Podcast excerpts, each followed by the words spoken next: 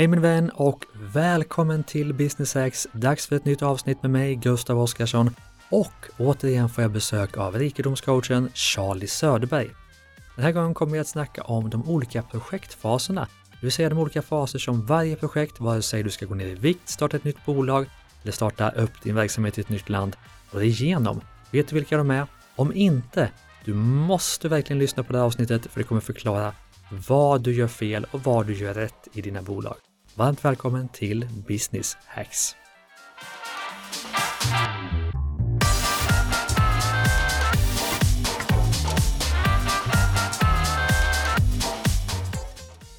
Välkommen tillbaka till Business Hacks, Charlie Söderberg. Tack så mycket.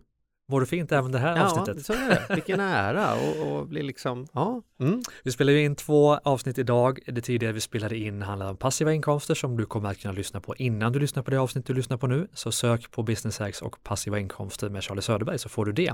Är det viktigt att man tar dem i rätt ordning tycker du? Det tycker jag inte. Nej. Eller ja, det spelar ingen roll hur man gör det. man men, kan ta efterrätten först. men det här kommer du kunna lyssna på efter att det första har kommit. Ah, det ja, kan jag ja. inte säga tvärtom om. Just det. Men Mm. idag Charlie ska vi prata om någonting som du har lärt mig Mm. och som har hjälpt mig väldigt mycket när det gäller att bygga projekt, både privat och företaget och verkligen förstå vilka olika faser både ett projekt och ett företag går igenom. Mm. Vad kallar vi den här principen?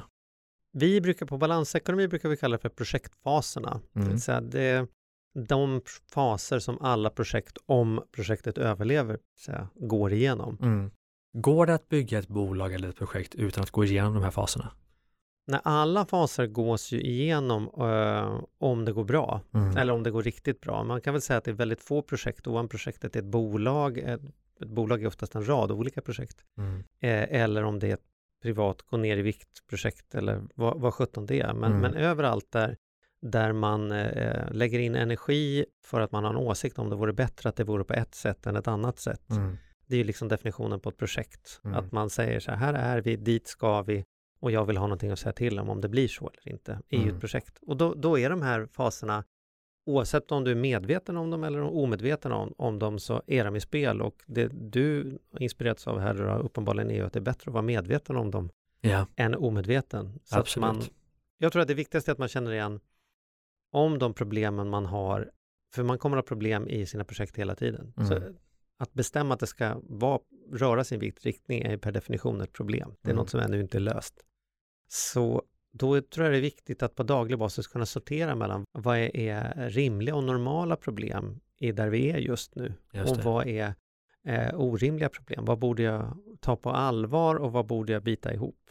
Mm. Om du och jag har börjat, vi, vi startar ett nytt poddbolag, här, nu ska vi producera poddar. Och sen har vi lite tufft med likviditeten första halvåret. Det är ju inget konstigt. Mm. Det är klart ett problem, men det är ju inget ovanligt problem. En nystartad verksamhet, klart vi styr på likviditet i Mm. början om vi inte tar in riskkapital, det är inte så Mm. konstigt. Men säg att vi har 14 anställda, vi har kommit fyra år och vi är störst i Norden och sen helt plötsligt så sitter vi och har likviditetsproblem. Då är ju det ett betydligt värre problem. Då är det Mm. liksom, stopp, nu är det krismöte här, nu måste vi diskutera. Nu Mm. sitter vi med ett sex månaders problem fyra år senare. Just det. Något har hänt här, vad har vi missat? Så det finns ett antal faser som vi ska gå igenom, både Mm. på vad är karaktäristiskt för faserna Mm. och också hur man tar sig ur dem eller tar sig till Mm. nästa fas tänker jag.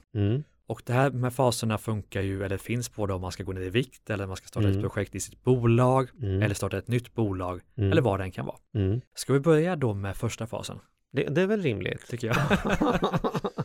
Djupa, djupa samtal. ja, ja, vi vill börja från början. Ja.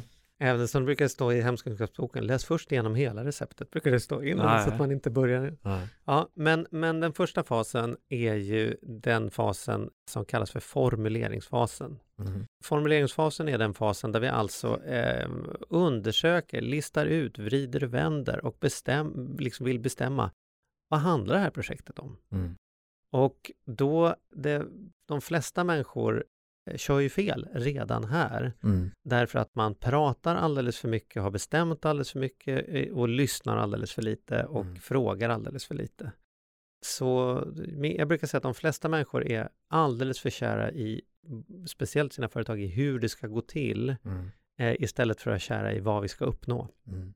Så formuleringsfasen handlar om att formulera listor. Vad vill vi egentligen? Om vi, om vi har gjort ett par dejter du och jag, då är det ju någon formuleringsfas som pågår. Vad ska det här bli? Ska vi bli Mm. ett par? Ska vi inte? Ska vi bara hänga? Eller är det klart? Liksom, ska, varför är det viktigt för mig att gå ner i vikt? Nu är det tredje nyår jag står och pratar om detta, men det händer ju ingenting. Vad Mm. handlar det om egentligen? Eller man kanske skulle starta bolag eller vi kanske skulle göra en expansion till Tyskland eller eh, börja eh, med webbshoppa eller vad det nu är för någonting. Och då är det här en fas av att fundera, lista ut, fundera, lista ut och lyssna, lyssna, lyssna. Och den här fasen eh, avslutas med, håll i dig nu, att man bestämmer sig. Mm. Och här, redan här kan vi konstatera att någonstans mellan 80 och 90 procent av alla projekt i allas våra liv Mm. kommer aldrig ens förbi formuleringsfasen. För vi bestämmer oss inte. Mm. Det, det vet ju du, för det har jag ju hört på många business poddar sedan tidigare, att vikten av att fatta beslut. Mm. Fattar man beslut så kan man fatta nya beslut om det inte blev bra, men fattar Mm. man inget beslut så händer ingenting. Va? Så det tänker jag att de flesta, eh, man har suttit hemma, kollat på tv, ser man någon sån uppfinning på, på någon så här uh, hajar där och så Mm. tänker man så här, det där kom jag ju på redan 1998. Ja, men du gjorde inget. Nej. Eller det där har vi ju sagt nu i tre år. Ja, men du har, ni har inte bestämt. Det har bordlagts om och om Mm. igen. Så de flesta projekt dör ju därför att vi bara, vi bara klurar och vrider och tänker och sen så bestämmer vi inte. Äh, Mm. nu kör vi. Så, Så- det är formuleringsfasen. Det är formuleringsfasen. Den andra stora fallgropen i formuleringsfasen, Mm. och den ska jag återkomma till därför att den är så otroligt viktig när vi kommer till nästa fas, det är att man ska testa. Mm.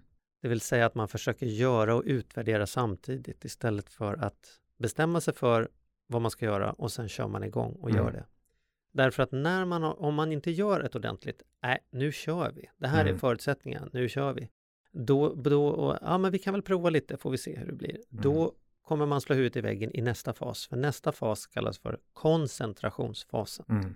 Koncentrationsfasen är alltså den fasen som kommer efter beslutet. Då är det dags att göra någonting. Mm.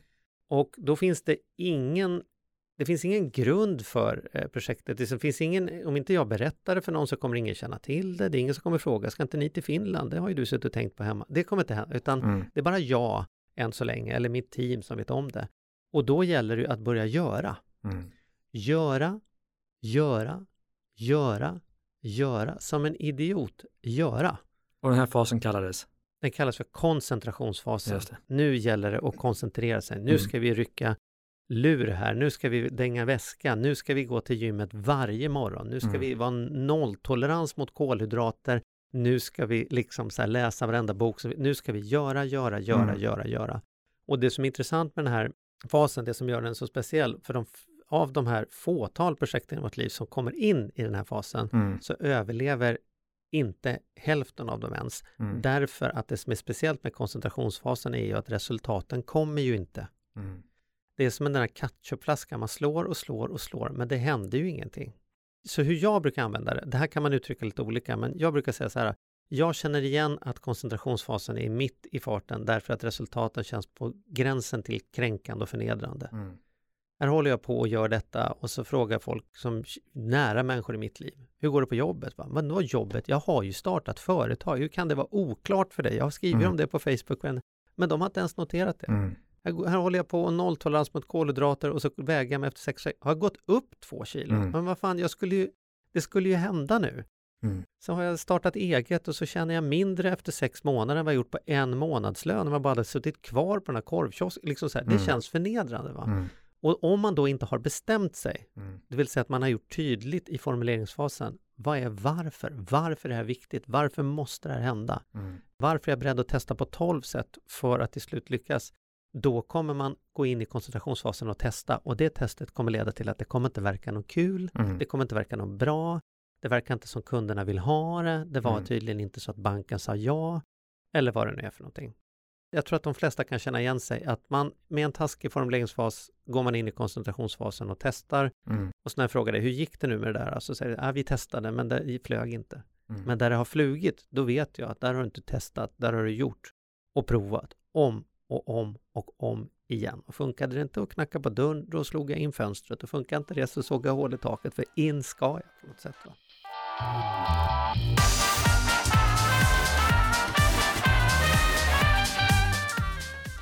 Vi är väldigt stolta över att ha Visma SBCS som sponsor till det här poddavsnittet. För visste du att flest företagare i Sverige väljer Visma SPCS för sin bokföring, fakturering och lönehantering? Att driva företag det ska ju inte behöva vara onödigt svårt och i de här tuffa tiderna så är det extra viktigt att få stöd i att hålla koll på sin ekonomi och, och underlätta vardagen. Och i decennier har Visma SPCS hjälpt Sveriges företagare och blivande entreprenörer förstås att starta, driva och utveckla sina företag. Och vi som företagare, vi behöver stöttning i allt det som kan kännas svårt med att driva bolag. Ekonomin och lönerna och bokföringen. Och så med hjälp av kunskap och digitala lösningar och smarta ekonomiprogram så gör Visma SBCS allt för att du ska kunna göra det du gör bäst, att driva ditt företag framåt. Och det vi gillar väldigt mycket är den här känslan hos Visma SBCS att vi gör det här tillsammans. De finns som ett stötteplank, ett bollplank för dig och har fantastiskt innehåll på vismaspcs.se som verkligen hjälper dig att få tips som du behöver för att få ordning på ekonomin, bokföringen och annat du behöver just nu för att ta ditt företag framåt. Så stort tack till Visma SPCS för att ni är sponsor av podden.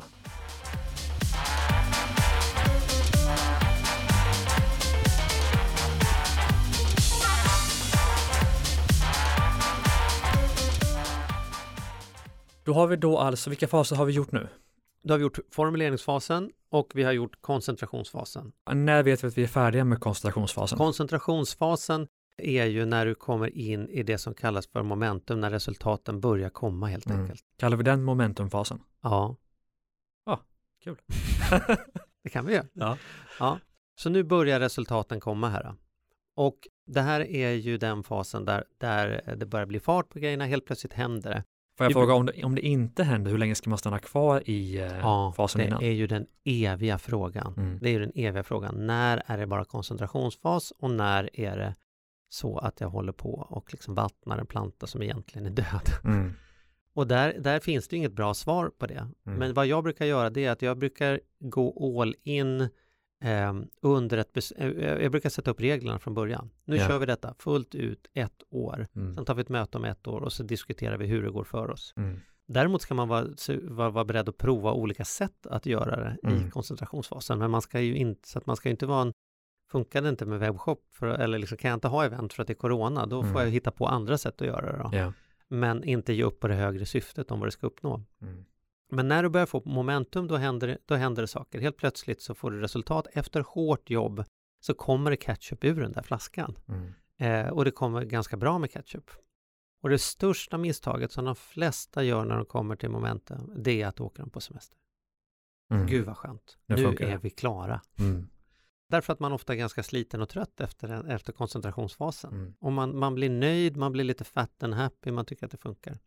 Och då brukar jag, när jag jobbar med det här, brukar jag använda den här gårdspumpsmetaforen. Va? Mm. Man, man ska pumpa upp vatten och så pumpar man, och det kommer ju inget vatten i Mm. Och så pumpar man, så pumpar man som en tok och så till slut så kommer vattnet upp. Det, liksom, trycket bryter och man kommer upp och det rinner in vatten i hinken. Om man då går och tar fika en kvart och sen kommer tillbaka, vad händer då? Ja, då är det ju, då är det till att börja om igen. Mm.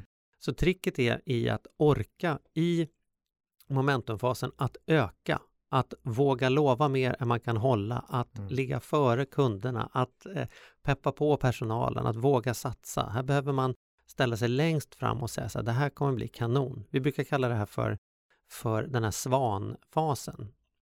Eh, eller ankfasen. Du vet, när, om man tittar på en svan så, så från, tittar man, sitter man på land och kollar så ser det ut som att de bara med rak hals majestätiskt glider över vattnet. Liksom. Mm. Men är du en dykare och tittar underifrån, då är det två fötter som paddlar som en tok där under. Tuk, tuk, tuk, och det är hur det ser ut. Va? Så det när jag ringer dig och säger det här verkar kanon, mm. kan vi göra den här podden på engelska och tyska också? Så säger du absolut, självklart, du, du har den imorgon.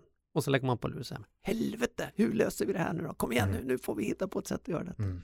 Så det handlar om att lova mer än man kan hålla och sen se till att hålla det och mm. vara kvar i mom- momentum. Moment, det här är ju riktiga entreprenörer, älskar ju när det tar fart och det här Mm. kommer. Men om man är lite ovan då kan man bli lite fartblind eller man blir lite farträdd, om det Mm. heter det så. Mm.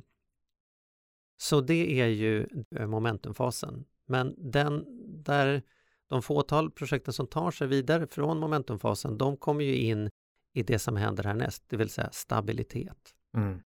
Och stabilitet är ju riktigt, riktigt spännande. Jag får träffa många av de här bolagen. För vad som händer det är ju att nu är resultaten förutsägbara. Mm.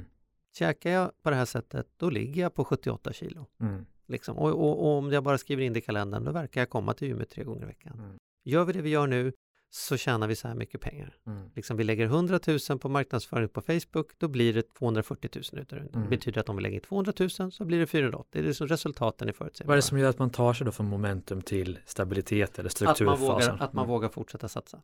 Att man vågar fortsätta satsa. Men du måste väl också bygga struktur tänker jag för att hamna där? Nej, det är nu. Det, problemet är att människor ibland bygger också struktur alldeles för tidigt. Okej. Det är inte ovanligt att jag träffar, träffar projekt som är i formuleringsfasen som ska göra franchise. Mm. Och det är som att du kan ju inte ge ut en kokbok om du inte ens har bakat kakor. Mm. Liksom, först måste du på något sätt testa, experimentera, vrida och vända, Mm. jobba, få feedback från kunderna, få liksom fail fast, eh, få dina genombrott.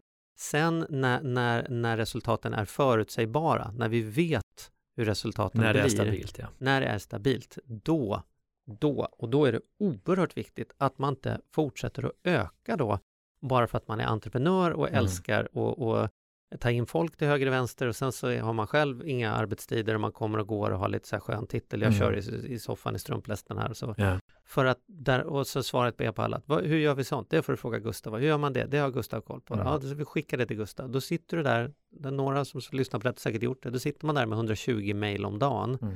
och lösningen på alla problem som uppstår på företaget är ring Gustav. Mm. Det, då är det ju hemska nyheter om man skulle komma vidare i nästa fas, det vill säga genombrottsfasen. Mm. Så här gäller det då när resultaten blir förutsägbara så handlar det om att helt enkelt göra grovjobbet här med att systematisera, dokumentera, strukturera, automatisera, delegera, bygga, bygga, bygga, Mm. bygga. Så Och ta bort sånt som inte hör till Ja.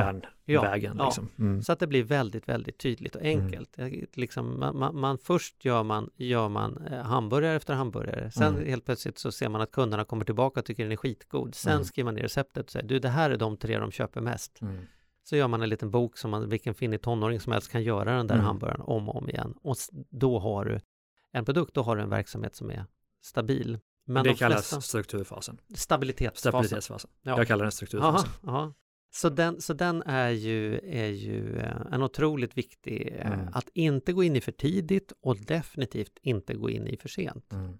Här finns det ju inget självklart svar som att man kan ha något nyckeltal från någon controller som säger så här, ni är i den här och den här fasen, utan Mm. här får man liksom leta ledtrådar var man verkar befinna sig någonstans. Mm. Och det är ju det som min coach Lennart brukar säga, det är ju en deklaration. Det är att Mm. man säger så här, vet du vad, nu är vi här. Jaha, vad är vi då, då? Ja, men då är vi i stabilitet. Ja, men då är det den verktygslådan Mm. vi plockar bra. Och det är ju så att vi har alla talanger i olika faser. Mm. Så väldigt sällan är det så att det som kommer naturligt för dig är det som, som kommer leda till företagets framgång. Det Mm. kommer ta företaget en del av sträckan. Ja. Och har du tur, säger jag med citationstecken, då är det de tidiga faserna som, Mm. som koncentrationsfasen kanske som är din styrka, få skit gjort liksom. Mm. Men det gör att dina projekt når till den nivån, sen slår de i taket. För när det Ja. kommer till att strukturera och automatisera, delegera, så är inte det din grej. Tycker du är jättetråkigt, då drar du igång ett nytt projekt. Mm. Och så dör det här. Det är inget fel på det, men det blir ingen exit liksom. Det blir inga miljoner och det Mm. blir inte att magen har rutor alla år, utan Mm. det blir liksom varje sommar, sen blir det skit på vintern. Så förstår sommar, du faserna så kan du förstå när du själv ska kliva av och hitta någon annan. Ja, och du kan, ja, precis, om du kan unna dig det. Men i Mm. det lilla perspektivet handlar det bara om att förstå. Vad är det egentligen som ska till här för att vi ska Mm. komma vidare? Ja. Och det är inte så intuitivt som att man bara liksom, vi har gjort detta på det här sättet, det verkar funka, vi fortsätter göra det så, utan man måste växa med sitt företag och det kan man Mm. antingen göra genom att utveckla de förmågorna, eh, ta hjälp med dem eller till och med rekrytera andra som gör det, beroende Mm. på när det handlar om vad kan ha, kvalitetstid med barnen, då är det svårt att rekrytera team kanske. men, ja, väl. men när det handlar om ett tillväxtbolag och du tar in Mm. kapital och så vidare. Så, så den ska jag säga så här, det här är ju en, en väldigt, väldigt viktig fas. Därför att om du gör den här rätt, då är nästa fas för dig genombrottsfasen. Det vill säga Mm. då har du någonting som är genuint skalbart. Mm. Och sen så kommer, finns det faser efter det. Vi pratar om mästerskapsfasen när du lämnar vidare projektet och så vidare. Men det Mm. behöver vi inte ta här, det blir lite väl teoretiskt för att det är väldigt, väldigt få projekt som är där. Men Mm. Oj, jag slår till den här. Men, men det som att förstå här att genombrottsfasen funkar bara om det är så att du har gjort din stabilitetsfas ordentligt. Mm. Därför att annars leder genombrottsfasen direkt till sammanbrottsfasen. Mm. Det blir tio gånger större och du vet inte hur du ska hantera det. Mm. Du, du går under i det här. Så det här är liksom att, att förstå och kunna ha, det här gör vi fortfarande i mina bolag på möten, när, Mm. så är ju inte, vi säger så här, var är bolaget?